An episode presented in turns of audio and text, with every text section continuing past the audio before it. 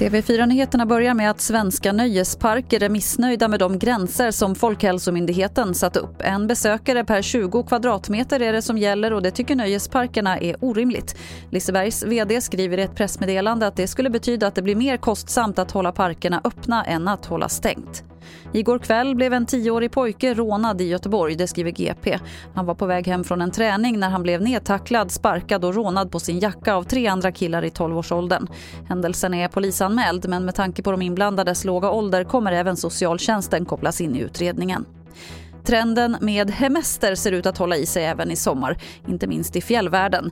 Svenska turistföreningen STF har 15% fler bokningar i år jämfört med före pandemin och säger att det snart är fullbokat folk vill komma ut, man vill uppleva äventyr, man vill vara aktiv på semestern. Och att vår natur och vår fjällmiljö här uppe är attraktiv, det vet vi. Sen har vi fått en extra skjuts av just pandemin och de restriktioner och rekommendationer att resa och stanna kvar hemma i Sverige. Det sa Marit Sarri på STF vid Kebnekaise fjällstation. Och det var det senaste från TV4 Nyheterna. Jag heter Lotta Wall.